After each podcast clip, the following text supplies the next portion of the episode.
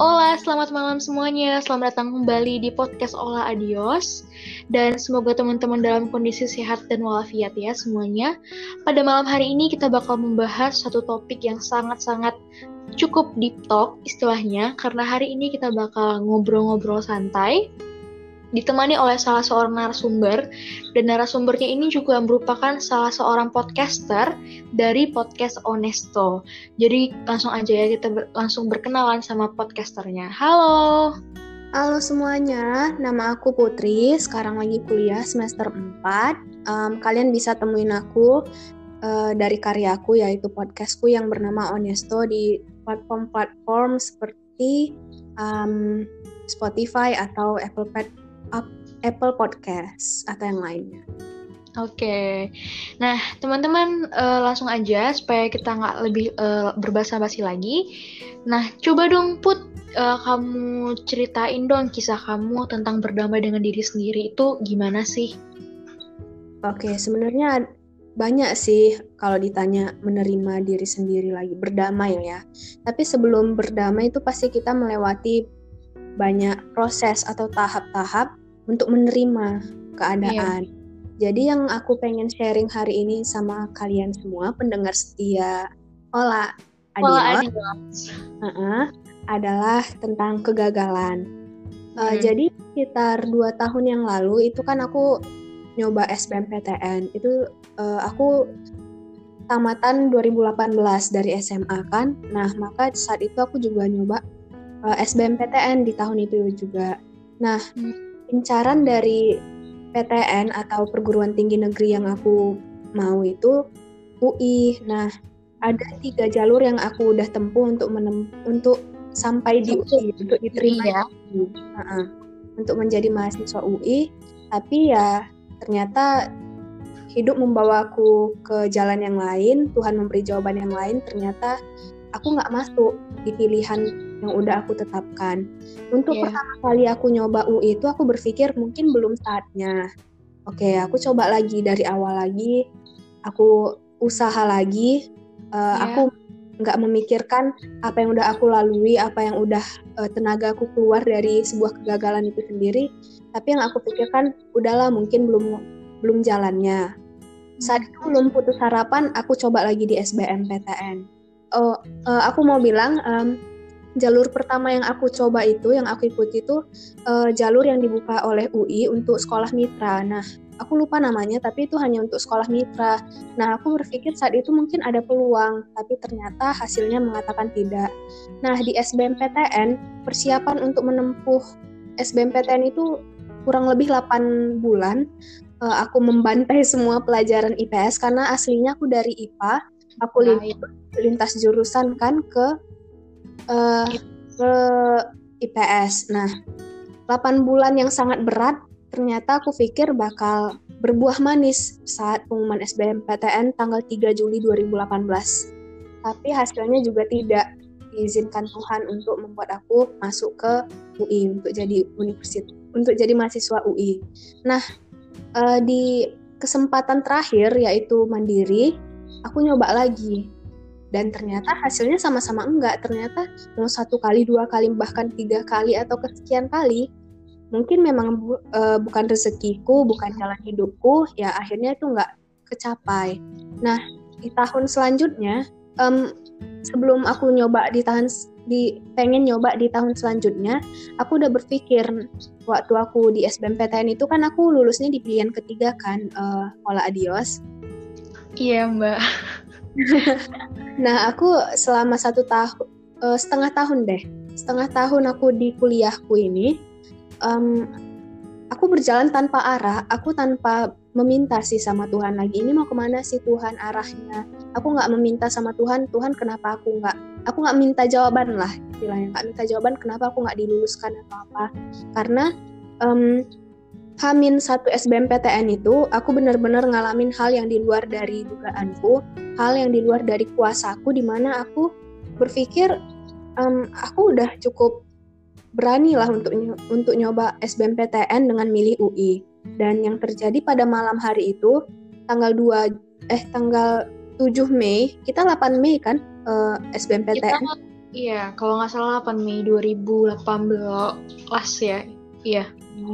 Nah, tanggal tujuhnya itu aku nggak bisa tidur. Bayangin besoknya kita harus bertempur, ibaratnya bertempur ya, tapi aku nggak ada istirahat. Jadi kayak gimana ya?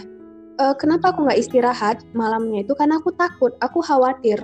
Aku benar-benar cemas sampai aku nggak bisa tidur. Bahkan aku saat itu dipeluk sama kakakku untuk tidur biar tenang, tapi aku nggak bisa tenang bahkan sampai saat itu aku nelepon seseorang yang menurutku bisa membantuku yang berharga saat itu yang kupikir dia bakal tahu. Uh, aku berpikir bahwa kalau aku nelpon dia bakal selesai lah semua.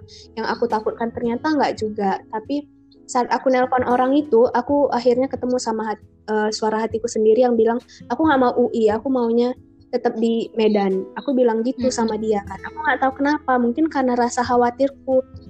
Uh, tanpa aku sadari ternyata uh, menargetkan sebuah tujuan itu membuatku lebih tertekan tanpa aku sadari.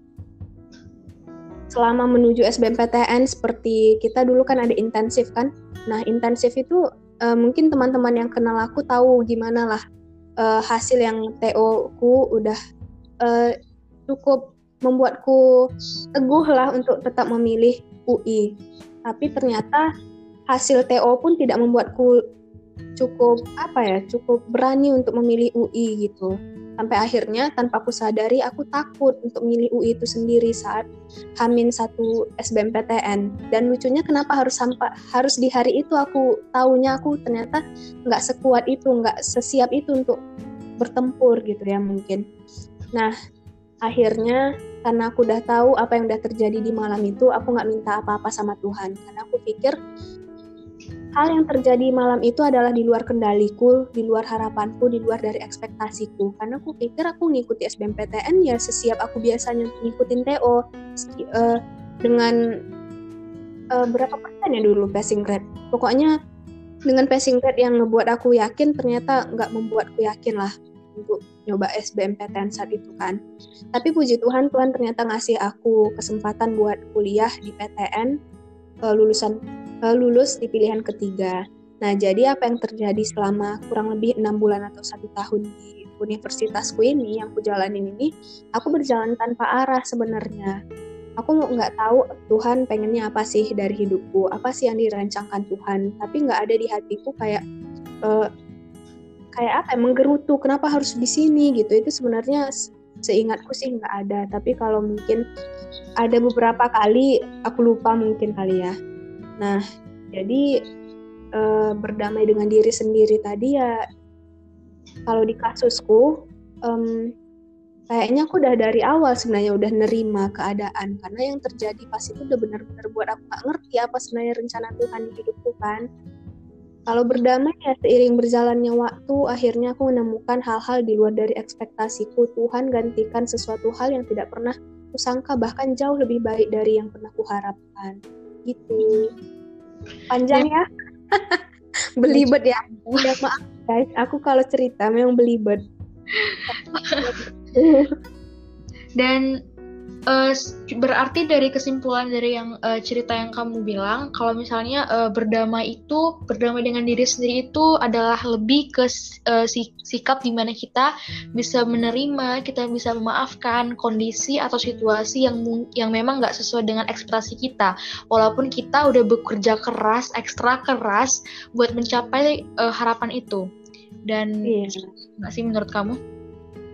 Uh, kurang lebih seperti itu dan bahkan sangat tepat yang Mbak katakan itu.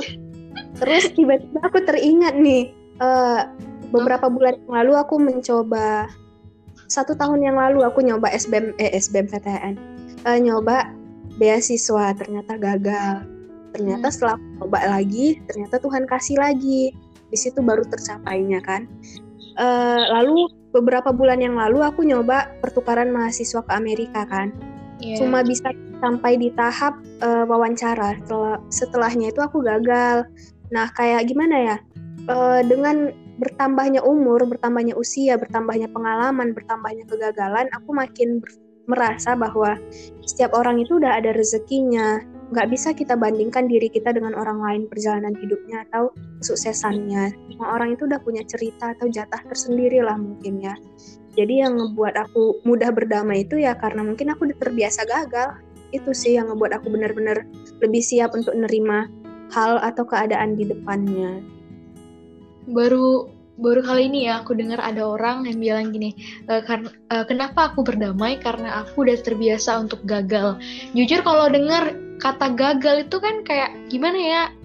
Pasti yang di pikiran kita gagal kecewa, yang ada sakit hati, yang ada terus e, rasa bersalah, kenapa begini, kenapa begitu, mengeluh itu kan hasil dari gagal, tapi kamu bisa mengubah mindset perspektif gagal itu menjadi suatu perspektif gimana, oh nggak apa-apa gagal, pokoknya uh, coba lagi, coba lagi dan coba lagi. Dan boleh nggak teman-teman kasih tepuk tangan? bisa itu keren banget, itu keren banget serius. Sebenarnya ini juga sih mungkin um, apa ya tadi aku mau bilang? Lupa aku asli. Uh, apa ya? lanjut aja deng. Lupa. Aduh. Aduh gimana sih kamu? Uh, gini.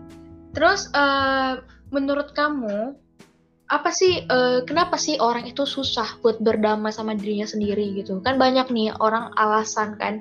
Uh, susah nih uh, aku nggak nggak bisa ini karena aku gini aku nggak bisa ini karena aku gini. Apa menurut kamu faktor apa yang membuat mereka susah buat berdamai sama dirinya sendiri? Uh, kalau dibilang susah mungkin aku nggak bisa sih seolah kalau aku bilang kenapa dia susah berdamai dengan dirinya sendiri kayak aku jadi menyepelekan masalah hidupnya. Bagaimanapun semua masalah bakal terasa sama awalnya itu bakal pahit. Bukan berarti aku bilang aku udah punya banyak kegagalan aku udah kayak terjadi masalah udah fine aja. Enggak masih ada juga nangisnya masih ada juga apanya ya uh, berkabungnya mungkin um, pengen butuh sendiri, pengen nangis, pengen menikmati kesedihan itu bakal ada rasanya aku bener-bener pengen enjoy di dalam kegagalanku. Itu ada. Jadi kalau ditanya gimana biar mereka apa tadi pertanyaannya? Lupa saya. Kira-kira apa sih yang buat mereka susah buat berdamai sama dirinya sendiri gitu? Dan mungkin uh, ya mungkin uh, apakah mereka kurang bisa buat uh, menerima kenyataan atau apakah mereka kurang bisa untuk mencintai diri mereka sendiri belajar untuk self love dan atau mereka mungkin uh, di, uh, terlalu ambisius terlalu perfeksionis terlalu takut gagal. Menurut kamu itu gimana sih? Mungkin hal pertama yang membuat uh, berdamai dengan diri sendiri itu lebih lama daripada biasanya atau dari orang lain itu ya karena yang tadi uh, kebetulan barusan aku kan collab sama seorang podcaster juga. Hmm. Jadi dari latar belakang yang dia bilang itu salah satu kenapa dia sulit berdamai dengan diri sendiri untuk lepas dari masalahnya itu karena dia menargetkan sesuatu yaitu kesempurnaan. Hmm. Nah, mungkin kalau setiap orang punya alasan tersendiri lah kenapa akhirnya dia nggak bisa berdamai berdamai dirinya ya kan aku juga kurang bisa sih untuk menerjemahkan permasalahan setiap orang gitu kan. Karena nggak ada case-nya langsung di hadapanku. Tapi kalau di yang di case-ku sendiri kenapa akhirnya aku lebih bisa untuk menikmati eh berdamai dengan diri sendiri tuh karena aku mau apa ya menghargai proses sih menikmati proses bahwa ya hidup itu bakal kayak gini-gini aja sampai meninggal menurutku ya. Yeah. nggak akan pernah ada hidup orang yang lepas dari masalah. Kalau mungkin kita lepas dari masalah mungkin kita sudah Tuhan menurutku ya uh, jadi fungsinya masalah itu sebagai pengingat kita lah atau alarm kita bahwa kita hanyalah manusia bahwa kita masih butuh Tuhan. Itu yang aku rasakan. Kenapa? Karena benar-benar yang terjadi tanggal 7 Mei itu di luar kendaliku. Hmm. nggak pernah ada di pikiranku itu akan terjadi. Aku hanya berpikir aku nanti SBMPTN aku semangat. Aku bakal nempuh uh, sekian soal bakal terjawab gitu. Tapi yang terjadi wah di luar dari kendaliku di luar dari yang kurancangkan. Ternyata saat itulah aku baru sadar bahwa iya ada kendali Tuhan. Atau mungkin orang yang ateis nggak percaya Tuhan ada kendali orang uh, kendali sebuah energi yang lebih besar lah dari kuasa manusia. Hmm. jadi kalau berdamai dengan diri sendiri aku rasa cuma satu kata sih yang bisa uh, uh, menjawab ikhlas. Ikhlas itu udah udah pelajaran hidup paling tinggi sih yang se seingatku Jadi ketika kita sudah ikhlas terhadap apa pun yang terjadi, ikhlas bahwa kita manusia yang nggak bisa uh, melawan arus yang ada, ya kalau udah ikhlas kita bakal lebih enjoy gitu, lebih mudah untuk berdamai. Iya, so, aku setuju aku ya. sih. iya, aku setuju sih di mana kalimat di mana tiap orang itu beda-beda. Ya karena aku percaya setiap orang itu emang unik gitu kan. Tuhan ciptain mereka berbeda-beda dengan keunikan masing-masing gitu kan. Jadi kita nggak bisa menyamakan setiap orang. Dan e, menurut aku sendiri, kalau menurut aku tuh memang benar berdamai itu adalah sebuah proses proses yang di mana dia membutuhkan kesabaran, konsistensi, dan komitmen dari si orang ini tersebut gitu kan.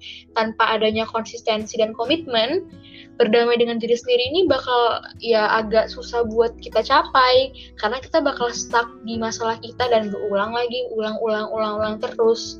Dan kayak yang kamu bilang tadi, kalau ini berulang terus, ya nggak siap-siap masalahnya ya kan? Jadi kayak berputar-putar yeah. gitu aja terus. Sementara life must go on kan? Ya itu dia buat teman-teman. Dan menurut kamu apa sih gunanya kalau kita susah buat berdamai diri sendiri? Uh, ada nggak sih guna apa keuntungannya kalau kita susah? Kayaknya nggak ada ya. Kayaknya nggak ada. itu itu pure negatif. Mer negatif banget untuk diri sendiri. ribet diri sendiri yang ada kan? Yang ada kita malah semakin nggak tenang, semakin rusuh, uh, hati kita nggak bisa buat damai. Yang ada ya merugikan diri sendiri. Jadi untuk apa kita akhirnya merusak diri sendiri, ya nggak sih? Dan... Nah, selain itu kita juga ngerusak orang lain sih menurutku. Ketika kita belum ber, uh, belum damai dengan hati kita sendiri dalam urusan hati kita, hidup kita, kita bakal jadi sedikit banyaknya jadi racun bagi orang-orang positif di sekitar kita kecuali kita memang ketemu orang yang sama toksiknya saat itu yeah. Iya. sama-sama dengan orang yang belum berdamai dengan dirinya udah kita saling memperburuk keadaan saling uh, merasa nyaman dalam keadaan tidak berdamai dengan diri sendiri dan kalau menurutku juga keuntungan ketika kita uh, memutuskan untuk berdamai dengan diri sendiri itu juga pasti sangat-sangat pasti berdampak dalam hidup kita kan? Kita pasti bakal lebih enjoy buat jalanin hari-hari kita kita pasti bakal lebih memandang sesuatu itu dengan perspektif yang berbeda dari perspektif yang sebelumnya. Ketika kita memutuskan untuk berdamai dengan diri sendiri. Ya yeah.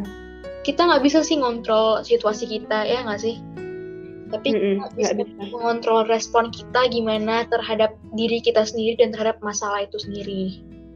Tapi aku pernah dengar nih, tiba-tiba teringat kan karena uh, kamu bilang gitu, Mbak. Uh, aku pernah dengar kalau nggak salah gini sih bunyinya. Ketika keadaan tidak kita tidak bisa kita ubah, berarti keadaan itu meminta kita yang berubah. Iya. Yeah. Itu dia menurutku. Jadi ketika keadaan bisa kita ubah, ya berarti itu memang di situ uh, kemampuan kita tercukupi untuk mengubah keadaan. Contoh misalnya keadaan apa ya nilai kita jelek, nah itu memang udah menjadi uh, tanggung jawab kita kan, uh, kemampuan kita untuk mengubah keadaan itu sendiri. Tapi kalau sudah di luar hal-hal yang bisa kita ubah, keadaan itu tidak kita ubah berarti harus diri kita yang berubah terhadap masalah itu sendiri. Benar banget. Ya jadi teman-teman dari pem, uh, pembicaraan kita ini udah bisa diringkaskan lah ya. Kalau misalnya berdamai dengan diri sendiri itu balik lagi ke kitanya kan. Kita lagi memutuskan apakah kita masih mau stuck di situ aja atau mau melanjutkan kisah kita yang masih panjang tentunya. Dan pasti bakal lebih menguntungkan buat kita untuk berdamai dengan diri kita sendiri walaupun strugglingnya itu sama diri kita sendiri ya kan? Iya betul sekali mbak. Sarah Hola adios. Hola adios dengan honesto. Ya teman-teman. Jadi dari yang kita dapat ini teman-teman uh, boleh silakan diambil dari cerita yang dikisah uh, diceritakan oleh uh, Putri juga semoga teman-teman bisa mengambil uh, kesimpulan dan ada manfaatnya dari uh, podcast kita berdamai dengan diri sendiri ini. Ada nggak pesan-pesan kamu uh, untuk penggemar penggemar uh, penggemar penggemar sih pendengar pendengar pendengar-pendengar uh, yang mungkin mendengar, mendengarkan podcast malam hari ini? Oke, kalau mungkin dibilang pesan-pesan, mungkin dibagi dua dulu lah ya menurutku. Uh, satu untuk pendengar yang mungkin di sekitarnya atau orang terdekatnya adalah orang yang tidak bisa menerima, uh, belum bisa berdamai dengan dirinya sendiri. Uh, menurutku, jika kamu menemukan orang terdekatmu belum bisa menerima atau berdamai dengan masalahnya sendiri atau berdamai dengan dirinya, um, mungkin kita juga harus lebih bersabar untuk melihat dia seperti itu. Kita harus juga memberikan dia waktu untuk menerima keadaannya. Uh, jangan pernah tinggalkan dia dalam keadaannya itu, walaupun apa yang kita bilang, apa yang kita sarankan itu mungkin belum bisa yeah. dia lakukan tapi kita tetap harus sabar untuk tetap di sampingnya. Sekalipun dia kadang pengen menyendiri kita tetap harus ada ketika dia pulang untuk mencari kita menurut itu nah yang kedua untuk orang yang sedang mencoba berdamai sama dirinya sendiri um, sesuai dengan apa yang terjadi sama aku uh, pesan untuk kalian bahwa semua manusia pasti akan pernah punya masalah tidak ada namanya masalah pribadi. Kemungkinan bila masalah itu terjadi di hidupmu, itu ada kemungkinannya juga terjadi di hidup orang lain. Yeah. Nah, maka hal yang paling penting untuk berdamai dengan diri sendiri adalah ikhlas. Ikhlas berarti bukan pasrah, pasrah tanpa um, tanpa apa ya, tanpa San. usaha. Iya. Uh -uh. Ikhlas itu hanya tentang kita mengingat bahwa oh ini bukan bagian dari kita lagi. Oh ini adalah sesuatu yang kita lemparkan kepada Tuhan lagi menurutku ya. Ini sudah tidak menjadi kewajibanku, maka ini ku berikan kepada Tuhan untuk mengambil alih semuanya dan aku tetap percaya bahwa di depannya akan ada sesuatu yang lebih indah daripada yang pernah kuharapkan atau pernah kuekspektasikan. Ya, kepada kalian semua, tetaplah bersabar. Jikapun tidak bisa melakukan hal baik di saat kalian terpuruk, kalian hanya perlu untuk bertahan. Itu saja. Wah, saya sok bijak. Jadi intinya garis besarnya ikhlas ya, belajar buat ikhlas. Apa pun itu, sesulit apa pun itu belajar untuk ikhlas. Oke. Okay. Oke okay, teman-teman, itu dia podcast kita pada malam hari ini. Semoga teman-teman uh, suka dan semoga ini bisa memberkati teman-teman. Thank you buat uh, podcaster Onesto Putri, terima kasih banget buat sharing hari ini. Semoga teman-teman uh, bisa mendapatkan hikmahnya lah dari podcast kita kali ini ya. Oke, okay, uh, see you on the next podcast. Uh, hope you guys still uh, happy and adios. Bye. Bye. mà tin anh.